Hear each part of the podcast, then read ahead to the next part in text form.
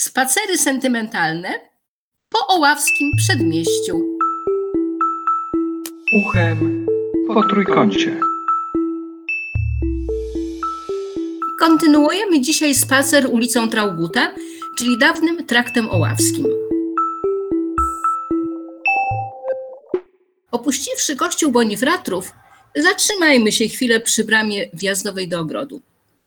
Po drugiej stronie ulicy widać trochę skryty za kamienicą numer 58a poprzecznie ustawioną trzypiętrową oficynę z czerwonej cegły, numer 58b. To dawny klasztor sióstr Albertynek wybudowany przy kościele świętego Łazarza. Siostry posługiwały w nim, a także w sąsiadującym szpitalu dla trędowatych i wenerycznie chorych. Z czasem szpital przekształcono w zakład opiekuńczy i liczba zakonnic drastycznie zmalała. Po wojnie klasztor przystosowano na budynek mieszkalny o charakterze socjalnym. Stojąca od frontu skrajna kamienica numer 58a z wejściem od podwórza została sprzedana jakiemuś obcokrajowcowi. Mieszkają w niej dwie czy trzy rodziny. Kiedy kamienica zaczęła się sypać, okazało się, że właściciel wyjechał z Polski. Gmina musiała więc na własny koszt zabezpieczyć ją drewnianym zadaszeniem, gdyż zagrażała bezpieczeństwu przechodniów, o czym informują napisy na murze. Kamienice obok są też w kiepskim stanie, aż się proszą o remont. W oficynie numer 62 są jeszcze szczątki pralni z kotłownią obsługującą niegdyś szpital Bonifratrów. Pozostałości po niej jest coraz mniej, jeszcze tylko został niewielki kantor z kawałkiem komina. Niebawem pewnie i ta resztka zostanie wyburzona. A teraz zaskoczenie. Małe boisko do koszykówki i piłki nożnej, tuż przy bardzo ruchliwej ulicy, ogrodzone wysoką siatką. Całkiem skryte na tyłach budynków numer 64-66. Urządzili je sami mieszkańcy i służyło już dwóm pokoleniom. Metalowy, masywny słup z koszem i bramka są w doskonałym stanie. Może warto by zainteresować tym boiskiem decydentów z magistratu, żeby je doposażyć i stworzyć miejsce aktywnego wypoczynku dla młodzieży?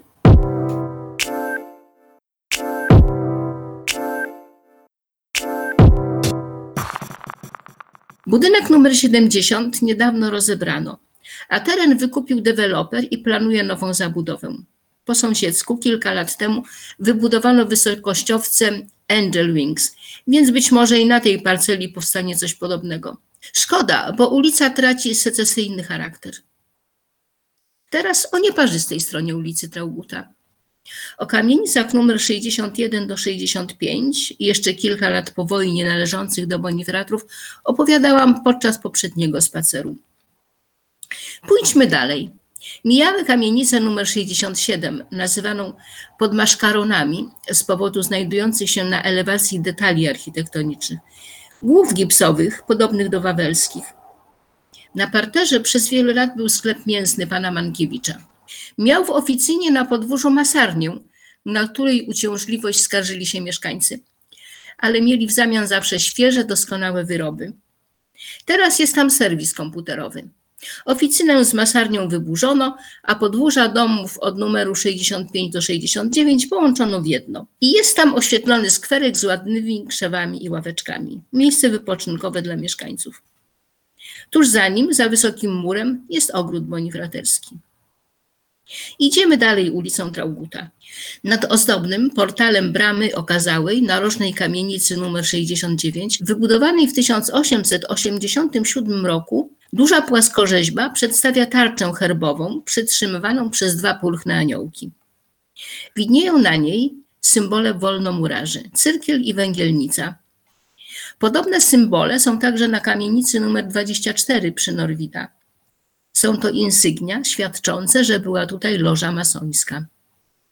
Wiele starych budynków wrocławskich ma na elewacjach podobne symbole, na przykład budynki Politechniki Wrocławskiej. Zanim wejdziemy do środka, wypada wspomnieć o wolnomularstwie. Nie mówi się o nim w mediach, to hermetyczne środowisko. Udało mi się dowiedzieć trochę na ten temat, więc opowiem co nieco. Kim są wolnomularze, potocznie zwani masonami? Wolnomularstwo To powstały na początku XVIII wieku w Anglii i Szkocji ruch społeczny zrzeszający ludzi wolnych i dobrych obyczajów, według definicji z Konstytucji Andersona z 1723 roku. W dużym uproszczeniu można powiedzieć, że to humanistyczny ruch filozoficzno-społeczny mający na celu samodoskonalenie jego członków i pracę dla dobra ludzkości. Dewiza wolnomularzy to braterstwo oraz równość, z których wynika szacunek dla drugiego człowieka i jego poglądów, oraz wolność, nakładająca obowiązek poszanowania wolności sumienia członków. Uznają istnienie istoty wyższej, zwanej wielkim budowniczym albo wielkim architektem, rozumianej jako Bóg osobowy. W nawiązaniu do swojej tradycji wolnomularstwo posługuje się symboliką, nawiązującą do historii masonerii jako cechu kamieniarskiego, stąd obecność cyrkli, węgielnic, pionów. Ryty i misteria inicjacyjne mają pochodzenie od różokrzyżowców, a także egipskie, gnostyczne i chrześcijańskie. Niektóre są zapożyczone z tradycji rycerskiej. Znaczenie podstawowych symboli. Cyrkiel oznacza mądrość, wiedzę, rozum, współdziałanie siły Boga i człowieka, łącząc w sobie okrąg, czyli nieskończoność, i punkt jako początek, symbolizuje absolut. Węgielnica oznacza równowagę i szczerość. Świątynia Salomona to symbol dążenia do zjednoczenia ludzkości, oznacza doskonałość, całą masonerię. Trzy kolumny architektoniczne, również liczba trzy, symbolizują zasadę trzech wartości: wiedzy, piękna i siły. Na przestrzeni wieków masoneria skupiała elity intelektualistów i arystokratów. To także zespół bractw o charakterze elitarnym i dyskretnym. W Polsce wiele znakomitych postaci było masonami. Król Stanisław August Poniatowski, Henryk Dąbrowski, autor hymnu polskiego, Zygmunt Krasiński. Z bardziej współczesnych to Ignacy Paderewski, profesor Zbigniew Religa, Jan Józef Lipski, Hanna Suchocka czy Bronisław Geremek, wielki mistrz Loży Krakowskiej. Znani, bardzo ważni masoni za oceanem to m.in.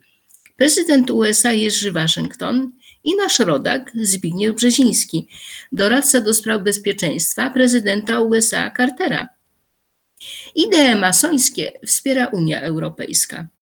W roku 2004 Adam Wysocki, honorowy mistrz Loży Europa, prezydent Polskiej Grupy Narodowej Uniwersalnej Ligi Masońskiej, tak scharakteryzował masonerię. Masoneria nie jest ani religią, ani sektą, ani partią. Jest to stowarzyszenie filozoficzne, etyczne, statutowe. Sposób na życie, którego wyznacznikami są tolerancja, chęć budowania, niechęć do niszczenia, rozwój duchowy i szeroko rozumiany postęp społeczny.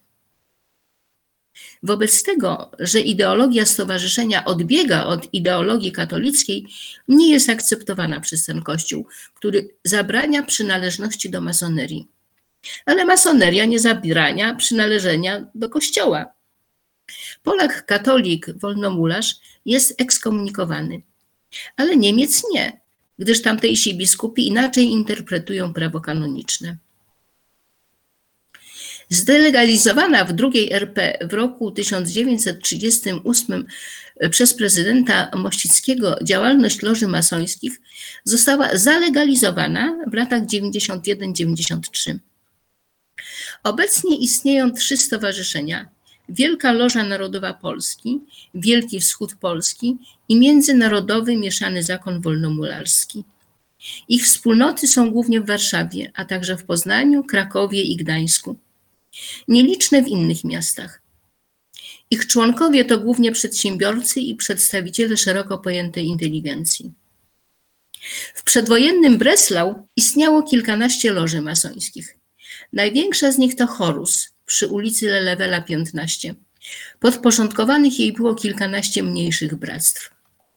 Rząd niemiecki w roku 1935 dokonał urzędowego rozwiązania wszystkich lóż i konfiskaty ich majątku.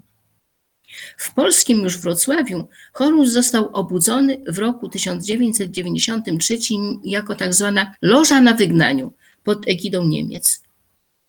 Kamienica, będąca obecnie prywatną własnością, została niedawno wyremontowana. Jest tam siedziba firmy Geoagra, a pozostałe pomieszczenia właściciele wynajmują innym firmom. A więc loża w narożnej kamienicy nr 69 przy Trauguta była jedną z tych kilkunastu przedwojennych lóż masońskich. Spróbujmy wejść do środka przez elegancką, oszkloną bramę. Ściany holu i sufit mają ładną ornamentalną sztukaterię. Przygotowując informacje do dzisiejszego spaceru, zrobiłam wywiad w kamienicy. Wytypowałam na siedzibę loży skrzydło pierwszego piętra od strony Trauguta nad insygniami wolnomularskimi. I rzeczywiście, wygląd pięciopokojowego apartamentu pozwolił przypuszczać, że mogła się tam mieścić. W wyjątkowo bogatej sztukaterii dominują aniołki, bardzo podobne do tych nad bramą wyjściową. Z sufitów zwieszają się kryształowe żerandole. Do takiej sztukaterii i żerandoli zupełnie nie pasują ściany całkiem pozbawione tynku. Cegły pomalowano białą farbą, a sądząc z jej wyglądu, zrobiono to nie tak dawno. Przez to wnętrze sprawia wrażenie tymczasowości, tym bardziej, że prawie nie ma w nim mebli.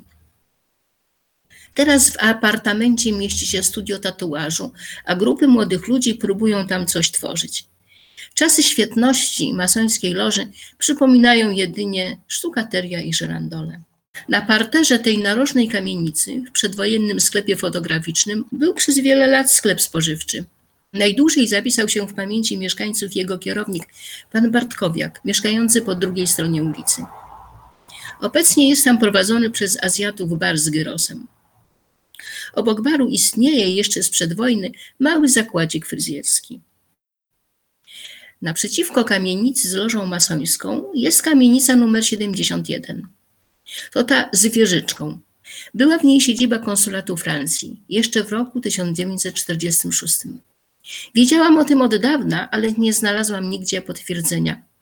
Aż nieoczekiwanie mieszkający w tej kamienicy znajomi pokazali mi zdjęcia z szoferem konsula, zrobione na tle tej kamienicy. Konsulat był na drugim piętrze. Zajmował całe skrzydło od strony Trauguta. To był duży, pięciopokojowy apartament, około 150 metrów kwadratowych. Był pięknie umeblowany i wyposażony, miał kryształowe żerandole, a na soficie sztukaterie artystyczne. Tak opowiadał mieszkający od 1945 roku po sąsiedzku Ryszard Połomski, wielokrotny mistrz Polski w pływaniu. W budynku całe schody z mosiężnymi prętami przy stopniach były wyłożone eleganckim chodnikiem. W oknach na półpiętrach kwiaty i firanki. Na ścianach holu i klatki schodowej były piękne, kolorowe malowidła. Podczas remontu budynku zostały niestety zamalowane. Siostra Ryszarda i szofer konsula mieli się ku sobie. Kiedy likwidowano konsulat, mieli razem wyjechać do Francji, ale tato dziewczyny się sprzeciwił i dziewczyna pozostała. Wszyscy pracownicy konsulatu wyjechali na początku roku 46, zabierając stylowe meble i eleganckie wyposażenie. Później mieszkał tam coraz to ktoś inny. Teraz w apartamencie zrobiono hostel. Część mieszkań została wykupiona i zarządza budynkiem wspólnota. O masulach i konsulacie opowiedziałam, jak obiecałam, więc teraz skręcamy w ulicę Mierniczą. Jest jedną z nielicznych wrocławskich ulic, na których przetrwała w całości zabudowa sprzed II wojny światowej. Łączy ona ulicę Trauguta i Komuny Paryskiej. Ulicę wytyczono na początku lat 80. XIX wieku i zaczęto zabudowywać kamienicami czynszowymi dominującymi w tej okolicy. W jej połowie wytyczono skrzyżowanie z planowaną także wtedy ulicą Łukasińskiego, mającą pójść dalej do Pułaskiego przez ogród klasztorny. Ostatecznie pozostał tylko odcinek do ogrodzenia ogrodu. W ciągu kilku lat, do końca XIX wieku, zabudowano całą ulicę. Nazwano ją Litzowstrasse na cześć barona Ludwika von Litzow, pruskiego dowódcy w wojnie z Napoleonem w 1813 roku. Kamienice zasiedlili w znacznej mierze robotnicy pobliskich fabryczek i zakładów położonych przy Trauguta, urzędników niższej kategorii i rzemieślników prowadzących warsztaty na parterach kamienic i w podwórkach. Jako mała dziewczynka przyjechałam do Wrocławia z rodzicami w 1945 roku. Zamieszkaliśmy właśnie tu, na Mierniczej, pod numerem 17. Tak więc znam i pamiętam od dzieciństwa tę ulicę i jej okolice. Pamiętam ogród bonifratrów z rzędami drzew owocowych, szklarnią i cudownie pachnącymi bzami za murem koło naszego podwórka. Oglądałam ogród codziennie przez okno naszego mieszkania. Wieczorami widać było przechadzającego się tam ogrodnika z dużym psem. A rano słychać było rżenie koni wyprowadzanych ze stajni w ogrodzie na wypas na łąki nad Oławą. Ulica była dawniej cicha i spokojna. Można było na niej grać w klasy, brodzić w kałużach po deszczu, wozić lalki w małych łózeczkach. Chłopcy grali szmacianą piłką albo w klipę, odbijali jojo, toczyli obręcze od kół rowerowych, popykając je patykiem. Czasami strzelali z procy do wróbli. Często przychodzili tutaj, tak jak na sąsiednie ulice, zbieracze szmat albo butelek. Na poczekaniu można było zalutować garnek albo naostrzyć noże u majstra z przenośnym miniwarsztatem. Sklepy były po parzystej stronie ulicy. Na początku pod dwójką mleczarnia, do której co rano chodził mój tato. Pomagał wnosić bańki z mlekiem i dzięki temu mógł zrobić zakupy, nie stojąc w długiej kolejce. Kolejki do sklepów to było utrapienie tamtych czasów. Tuż obok było atelier fotograficzne pana Władysława Pulki, fotosyrena. Nazwany tak przez jego żonę warszawiankę Jadwigę, renomowany, bardzo popularny zakład istniał przez około 70 lat. Niestety ostatnio prawie nie miał klientów i junior Janusz Pulka musiał go zlikwidować. Przechodziłam obok akurat wtedy, kiedy demontował szyld i zrobiło mi się żal tego, co odchodzi. Żal naszej fotosyreny. No cóż, znamię czasów. Powszechnie używane telefony służą nam jako aparaty fotograficzne. Dalej, pod dziesiątką, była i jest do dzisiaj maleńka pracownia krawiecka. Pod numerem 16 był bardzo popularny, dobrze zaopatrzony, narożny sklep spożywczo-warzywniczy pana Prymy. Przeniósł się tam ze sklepików w narożnej kamienicy numer 1. Kupowało się tam landrynki na wagę w papierowych tutkach, oranżadę w butelkach z pieskiem i wodę gazowaną w szklanych syfonach. Ten sklep przejęli po kilkunastu latach dudkowscy, a teraz otworzono w nim jakąś firmę ubezpieczeniową. Drewnianą obudowę tego sklepu zrobiono przed laty jako dekorację do jakiegoś filmu i przetrwała do dziś.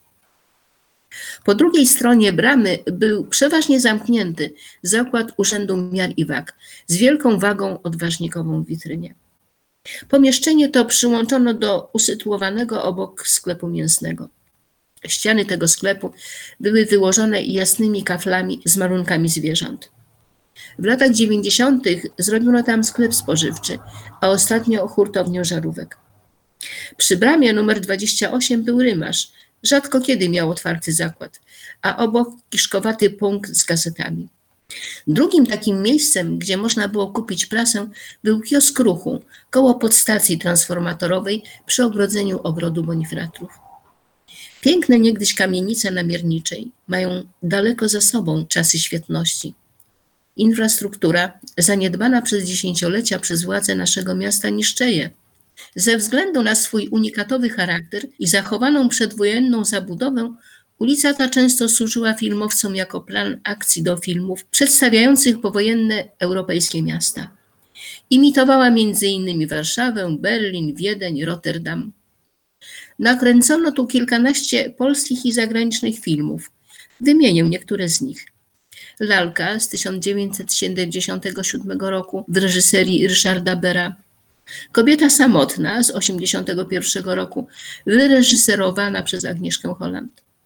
Kobieta na wojnie, francusko-brytyjska produkcja z 1991 roku. Charakter, belgijsko-holenderski film z 1996 roku.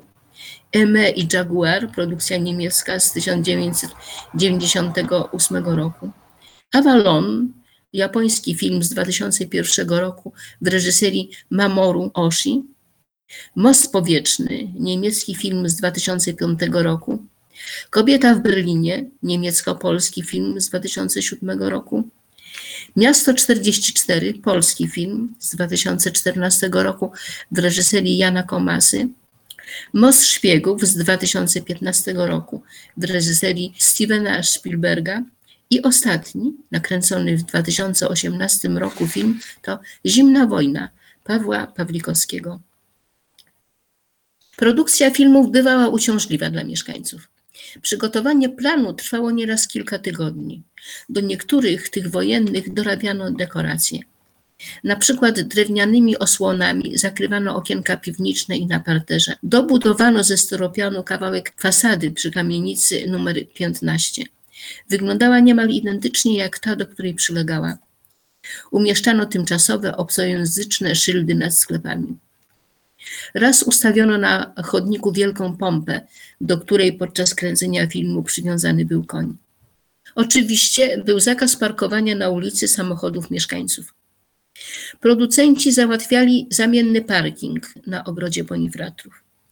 Samochody owszem były, ale stare, grające w filmie jako rekwizyty.